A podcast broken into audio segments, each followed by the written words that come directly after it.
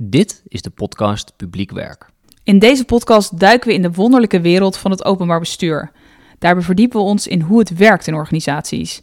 In de ambtenarij, het management, het bestuur en iedereen die daar tegenaan schurkt. Ik ben Jan Ardeen. En ik ben Laura Huigens. En we zijn twee ambtenaren die zowaar een podcast zijn begonnen. Hoe maken we het beter? En hoe maken we het leuker? Daar draait het om.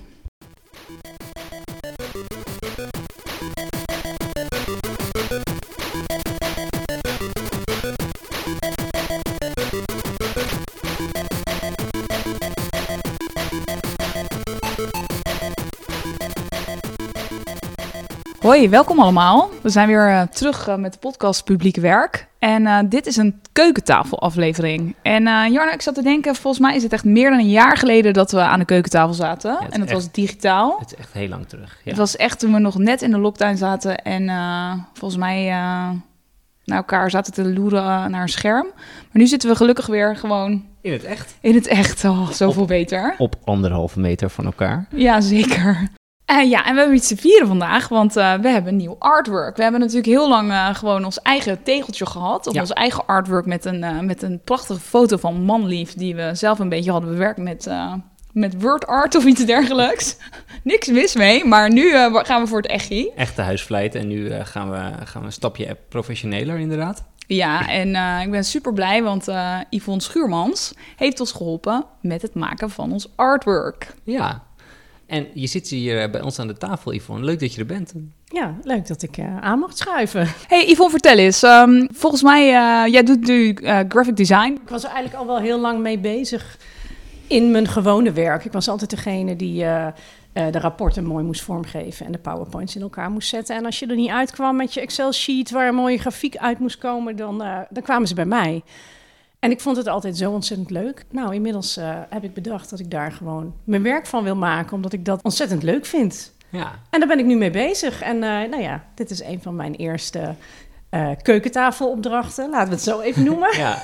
Maar je bent wel echt wel volop aan het werk, toch? Je hebt allerlei opdrachten ja. overal lopen. Ja, ik, het begint aardig te lopen en dat is heel erg leuk. En hoe heet je bedrijfje? Mijn bedrijf heet Summum Ontwerp. Mooie naam. Je hebt ja. ook een heel mooi logo. Volgens mij heb je echt oog voor lijnen en voor letters. En, uh... Ja, nee, ik noem mezelf ook wel eens een beetje... Een, een, ik ben een beetje een typografiel.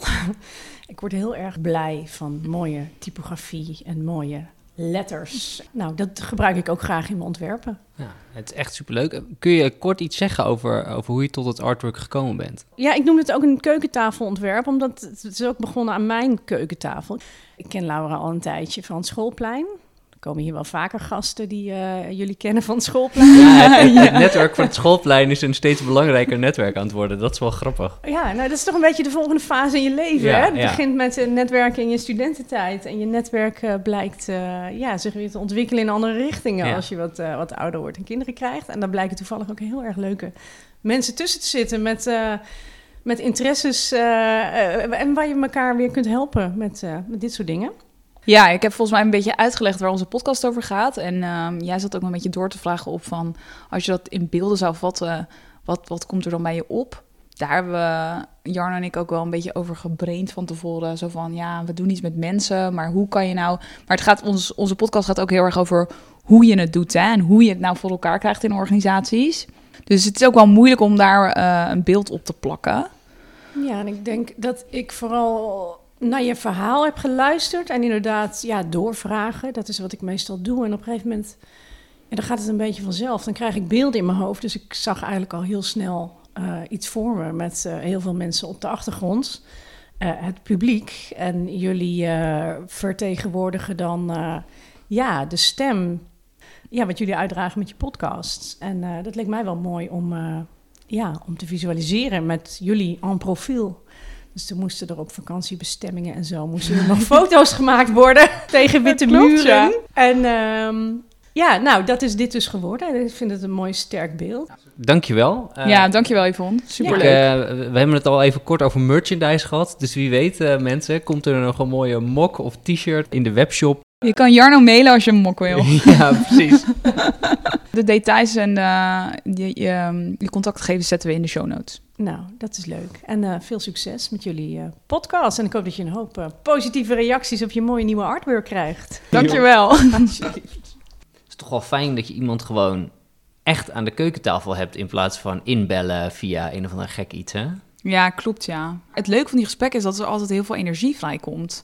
En dat merk je überhaupt natuurlijk in je werk. Dat vroeger waren er van die dagen dat ik op soort van op kantoor van overleg naar overleg rende en een soort van energie en dan nog even met die en even met die en dat heb je met een keukentafelgesprek ook. Het, Ja. het float zeg maar. En dat is met schermen anders. Ja, een hele dag schermvergaderingen achter elkaar is, is echt heel vermoeiend. Eh, dat levert zelden tot nooit heel veel energie op, terwijl met een groep mensen in een hok zitten, eigenlijk bijna per definitie al, al, al heel veel energie en leuke dingen oplevert. Het is toch anders. Het is minder creatief, het is zakelijker. Ik merkte het ook aan olifantenpaadjes.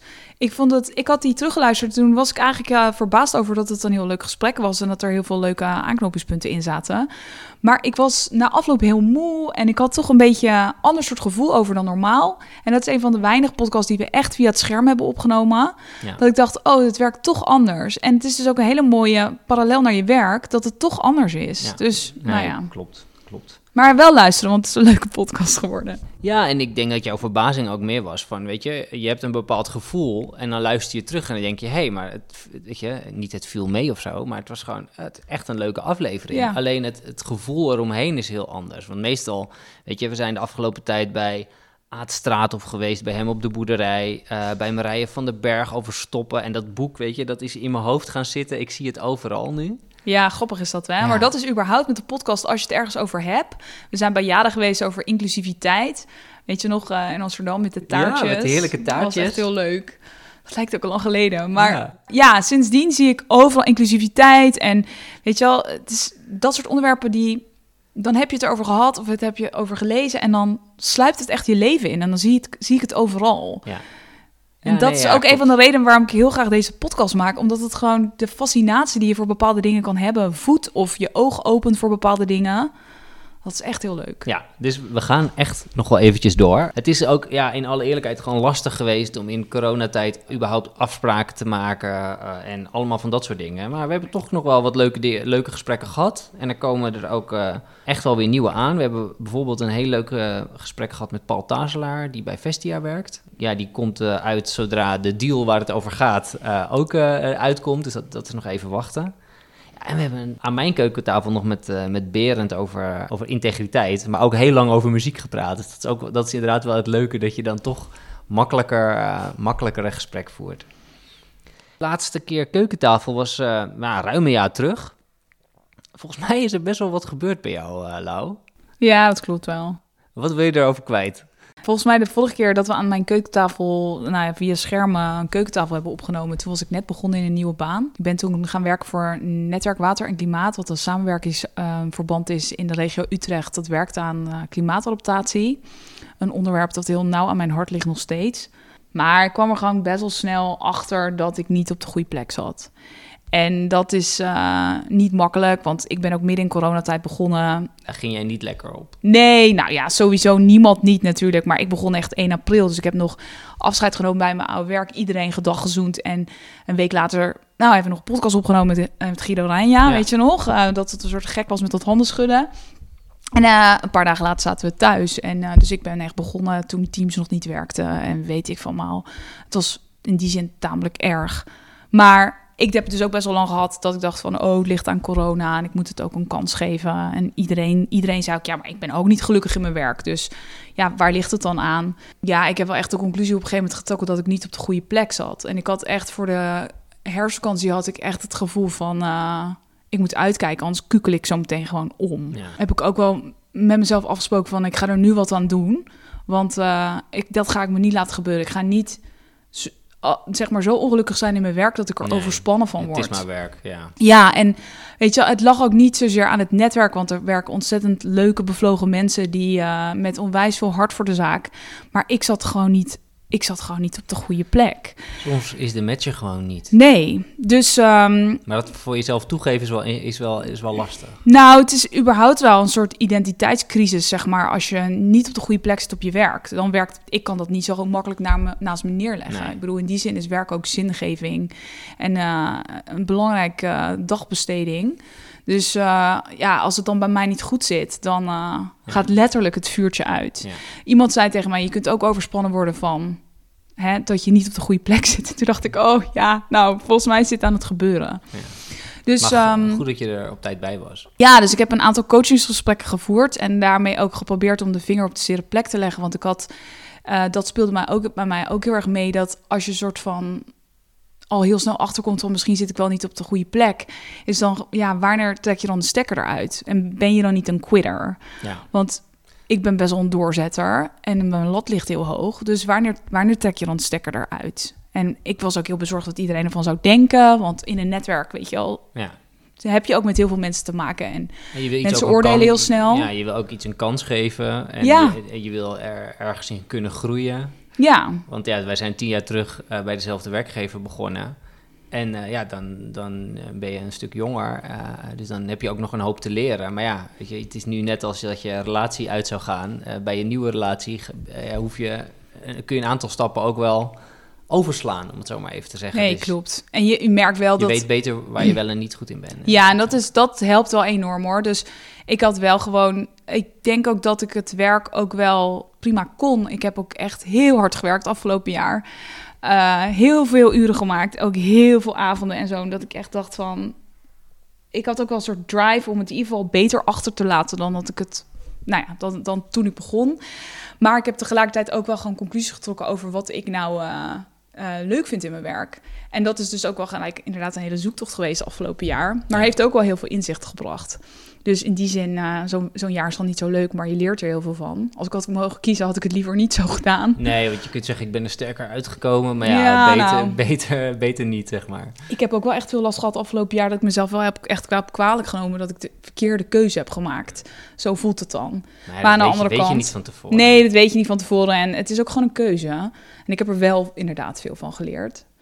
Eh, ja, want ik heb gewoon wel gewoon eh, samen met mijn collega een jaar mijn eigen toko gerund. En daar dus ook, eh, nou ja, van alles en nog wat in tegengekomen en, Ja. in, eh, en in ontwikkeld en gedaan. Maar ik ben er wel achter gekomen dat ik... ehm, ik werkte nu in een hele kleine organisatie met vier mensen... en we stonden een soort van overal buiten. Dus het is wel heel erg nauw samenwerken met zo'n team. Het, zo'n chemistry in zo'n team is heel belangrijk. Maar ik mis ook gewoon echt heel erg een organisatie. En ik ben gewoon de afgelopen jaren heel erg gewend... om in het hart van een organisatie te werken... en bezig te zijn met eigenlijk de volle breedte van de organisatie en ook organisatieontwikkeling. Van waar gaan we naartoe? Wat hebben we daarvoor nodig? Ja, en daar zat ik zo ver vanaf bij het netwerk. Dat, eh, ja, en dan ook heel erg in een, op een bepaald thema, klimaatadaptatie, in een ontzettende doenersmentaliteit. Ja, Past gewoon niet bij mij. Dus ik heb een nieuwe baan. Ik ben per 1 mei begonnen bij het Hoogheemraadschap de Stichtse Rijnlanden. Ik ben terug bij het waterschap, maar dan in Houten, dus in de regio Utrecht. Ik ben daar strategische relatiemanager en ehm, op zich lijkt het wel op de baan die ik hiervoor had bij het waterschap. Alleen is het een compleet andere organisatie en is heel anders georganiseerd. Dus ik heb een soort van hele set met skills en ervaring die ik hier heel goed kan inzetten. Maar de context is zo anders dat ik ook echt heel ander, eh, ja. ja, heel anders te werk moet gaan. En dat maakt het wel super leuk. Maar ik ben wel weer gewoon met alles en nog wat bezig. Dicht op het bestuur. Ja, dicht op de strategie. Oh, ja, volgens mij, ik zit er nog niet zo heel lang, maar ik heb het idee dat het in ieder geval veel beter een match is. Ja, fijn. Ik herken dat wel, dat je die... Want ik ben nu dan, ja, ruim anderhalf jaar werk ik op het ministerie.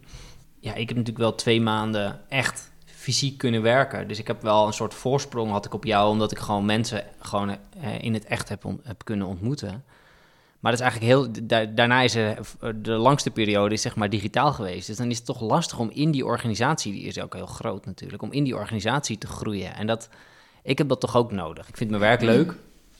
Maar ik vind het ook fijn om me met de randzaken eromheen en om het beter te maken, om me daarmee bezig te houden. En dat, ja, dat is ook digitaal lastiger. Eh, gelukkig heb ik inmiddels eh, genoeg leuke klussen eromheen voor mezelf weten te organiseren, dat ik ook wel mijn netwerk wat heb kunnen uitbreiden. Eh, want dat vind ik gewoon leuk. Een van de dingen waar ik nu heel druk mee ben, is ehm, wat ze op Rijksni- eh, Rijksoverheidniveau werk aan uitvoering noemen. Dus dat zijn eh, eigenlijk, is er het besef dat er een soort mismatch is tussen wat er in de uitvoering gebeurt en wat er bedacht wordt. En ook nog eens wat de Nou ja, poli- super hot nu. Want Ja. het staat al elke, elke week in de krant volgens mij. Het Precies. is natuurlijk ook de nasleep van de toeslagenaffaire. Ja, nou ja, dat is er eigenlijk dan, daarnaast En ook nog, ook nog gebeurd. Dus er zijn eigenlijk best wel veel soortgelijke trajecten die tot dezelfde conclusies of, soortgelijke conclusies komen. En je, bent dus nu, je ziet nu eigenlijk dat de, die mammoetanker eh, die iedere overheid is, eh, er is een soort zelfbewustzijn van ja, het gaat niet altijd even goed. We moeten beleid beter met de uitvoering verbinden. We moeten de inwoners meer een stem geven. Uh, we moeten anders met regelgeving omgaan. Nee, dat kun je vertalen eigenlijk naar alle werkzaamheden. Hè? Dat, kan, dat geldt voor gemeenten, voor provincies, voor waterschappen geldt dat net zo. En ze zijn dus nu bezig om die mammoetanker de goede kant op te krijgen. Uh, maar ze beseffen zich natuurlijk ook heel goed, ja, dat heb je niet zomaar gedaan. Daar heb je tijd voor nodig. En, en hoe je dat dus moet gaan doen, daar is nu een hele club mensen mee bezig. En ik mag me daar vanaf de zijlijn een beetje mee bezighouden van wat is dan de impact op mijn ministerie. Superleuk en interessant. Ja, dat kan ik me wel voorstellen. Uh, het is ook namelijk iets wat, waar ik me ook best wel vaak druk over maak. Kijk, ik, ik werk natuurlijk niet... Um, uh, dit, dit, speelt op allerlei thema's en ik zit dan meer aan de ruimtelijke ordening kant en, uh, en water- en klimaatadaptatie en zo speelt dat heel erg. Maar ook hè, de woningbouwbehoeften. Um, dat uh, er, heel veel opgaven zijn natuurlijk nu neergelegd bij de regio's en bij gemeenten, zoals de energietransitie, maar eigenlijk uh, de hele woningbouwopgave. Ja. Um, en, en als ik dan zie afgelopen jaar ook in dat netwerk hoeveel moeite met name kleine gemeenten hebben om dit soort dingen te volgen of om überhaupt er iets mee te doen, kan je mensen ook niet kwalijk nemen hè, als ze vijf beleidsterreinen onder zich hebben of zo, of uh, een halve dag per week ergens aan kunnen besteden.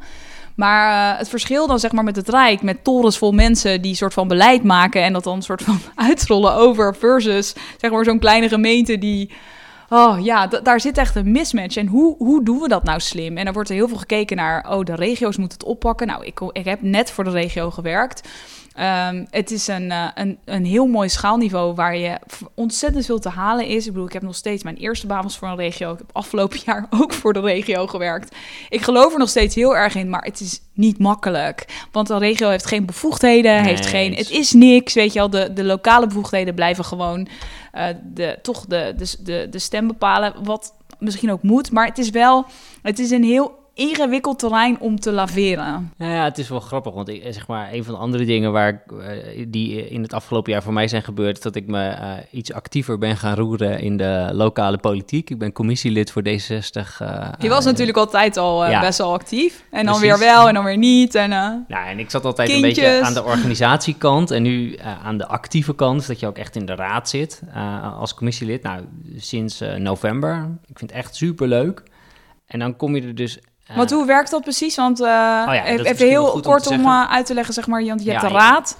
Je, hebt gewoon de gemeenteraad, dat zijn uh, de mensen die verkozen zijn uh, bij de gemeenteraadsverkiezingen. In iedere gemeente heet dat ook weer anders. de ene gemeente heet het een fractieassistent of het heet een, bij ons heet het commissielid. Je moet het zo zien, zo'n fractie die bestaat uit een bepaalde hoeveelheid mensen en in de raad worden de besluiten genomen, maar in de commissie worden de besluiten voorbereid. Ja, dus je hebt de gemeenteraad en daarvoor heb je commissies. Dus Juist. je hebt altijd zeg maar een, aantal commissies en die bereiden alle besluitenvorming voor. Er kunnen bijvoorbeeld sommige dingen als gaan als hamerstuk door Precies. naar de raad en Precies. andere dingen zijn bespreekstukken. Ja. En die commissies, daar zitten soms andere mensen in dan in de raad, omdat je het werk een beetje wil verdelen. Ja, je kunt het ook als een opleidingsplek zien, maar kleine fracties, ja, die uh, als je maar één uh, met één, als je als eenling in de raad zit en er zijn twee commissies tegelijkertijd, uh, ja, dan, ja, dan kun je, er fysiek, dat is in de Tweede Kamer natuurlijk, is dat net, is dat ja. net zo. Dus die moeten ook echt kiezen. Uh, en in de gemeentewet is dus dan bepaald, en volgens mij is dat bij uh, waterschappen net zo, dat je dus commissieleden kunt instellen. En dat ben ik dus nu geworden. Dus ik mag me bezighouden met een aantal onderwerpen, vooral in de ruimtelijke ordeningskant. Oh, leuk. Ja, dus superleuk. superleuk ja. Dus heel veel, heel veel wijken die, nou ja, woningbouwlocaties die ontwikkeld gaan worden. Veelal in gebieden die voorheen uh, industrie of, uh, of een andere bestemming, zeg maar, hadden. Dus het is uh, slopen en iets moois opnieuw bouwen. Maar ja, dat kost ook geld. Dus hoe ga je dat dan op, op een goede manier doen? En wat zijn de eisen die de politiek stelt? En wat levert dat voor ontwikkeling op. Nou, dat zijn hele interessante discussies. En kijk je dan, hoe kijk je dan anders? Want ze zeggen wel, sommige mensen zeggen, nou, ambtenaren maken niet per se altijd de beste uh, mensen voor de raad en zo. Want die zitten er vaak heel inhoudelijk in en die kijken heel erg. Um, hoe, hoe, hoe, doe je dit nou anders dan je, dan je je werk zou doen? Nou, dat vind ik zelf ook nog wel ingewikkeld, omdat je de inhoud is niet altijd het allerbelangrijkste. Hè? Het gaat natuurlijk soms ook gewoon om het scoren van... Uh, je, soms je, op het proces. Ja, of, of je punt maken of... Maar je kunt dingen ook wel echt bijsturen op de een of andere manier. En dat is, dat is wel het leuke eraan. En ja, wat ik gewoon probeer, ik probeer heel erg mezelf te zijn. Dus niet te veel te denken vanuit de ambtenaar of dat soort dingen, maar ik probeer gewoon om zo goed mogelijk te kijken naar hoe, hoe de zaken ervoor staan en wat dan de beste besluiten zouden kunnen zijn. En eh, zonder al te veel vooringenomenheid kijken wat de beste oplossing zou zijn. En, en zijn de juiste stappen doorlopen? Zijn de inwoners op een goede manier betrokken? Uh, uh, hebben ze wel alle vinkjes die, die ik belangrijk vind? Zeg maar, is, duurzaamheid op een goede manier meegenomen? Uh, ziet het er mooi genoeg uit? nou, zo zijn er allerlei dingen waar je naar kunt kijken. En zo probeer je eigenlijk uh, de boel scherp te houden om of de juiste dingen gebeuren. En in Hilversum gelukkig vaak gebeuren, uh, is een heel goed ambtenarenapparaat, die, die, gebeuren echt wel de goede dingen. Maar ja, er gaan ook wel eens dingen fout. dat hoort er natuurlijk ook bij. En dan moet je gewoon even kijken, ja, moeten we bijsturen of, of iets dergelijks. Hey, en je hebt nu een commissie, wil je in de raad volgend jaar? Ja, dat zou ik wel echt tof vinden. Ja, ik heb dit gedaan voor mezelf om, om eigenlijk te ontdekken van, ja, past het bij me? is het in te passen? Ja, want het kost wel veel tijd. Nou, dat is me wel, nou ja, niet tegenval. Ik wist het wel, maar als je het dan gaat doen, ik ben drie, vier avonden in de week bezig. Ik, ik, ik en wat ben je dan, waar ben je dan fysiek bezig met bijeenkomsten of gewoon lezen? En, uh... Nou ja, um, uh, veel bijeenkomsten. Dus los van het lezen. Uh, je hebt een fractieavond, je hebt een commissieavond, maar je hebt ook nog eens een keer een, een um, beeldvormende sessie of een, uh, hoe, hoe je dat ook noemt. Hè, maar daar is er een presentatie vanuit een ontwikkelaar of vanuit, een, uh, uh, of vanuit gewoon de gemeenteorganisatie zelf, waarin ze een onderwerp wat proberen uit te leggen, zodat het helpt bij de besluitvorming later. Uh, maar je gaat ook een keer naar een uh, school waar een uh, ouder heeft geklaagd over het, hoe, de, hoe het verkeer rondom de school is. Ja, je wil ook natuurlijk je vingers gewoon in de, ja, gemeente, gewoon moet, in de, in de stad hebben om te kijken wat, wat leeft er nou. Ja, dus je bent daar gewoon best wel veel tijd aan kwijt. En ik doe het nu omdat ik wil leren hoe het werkt.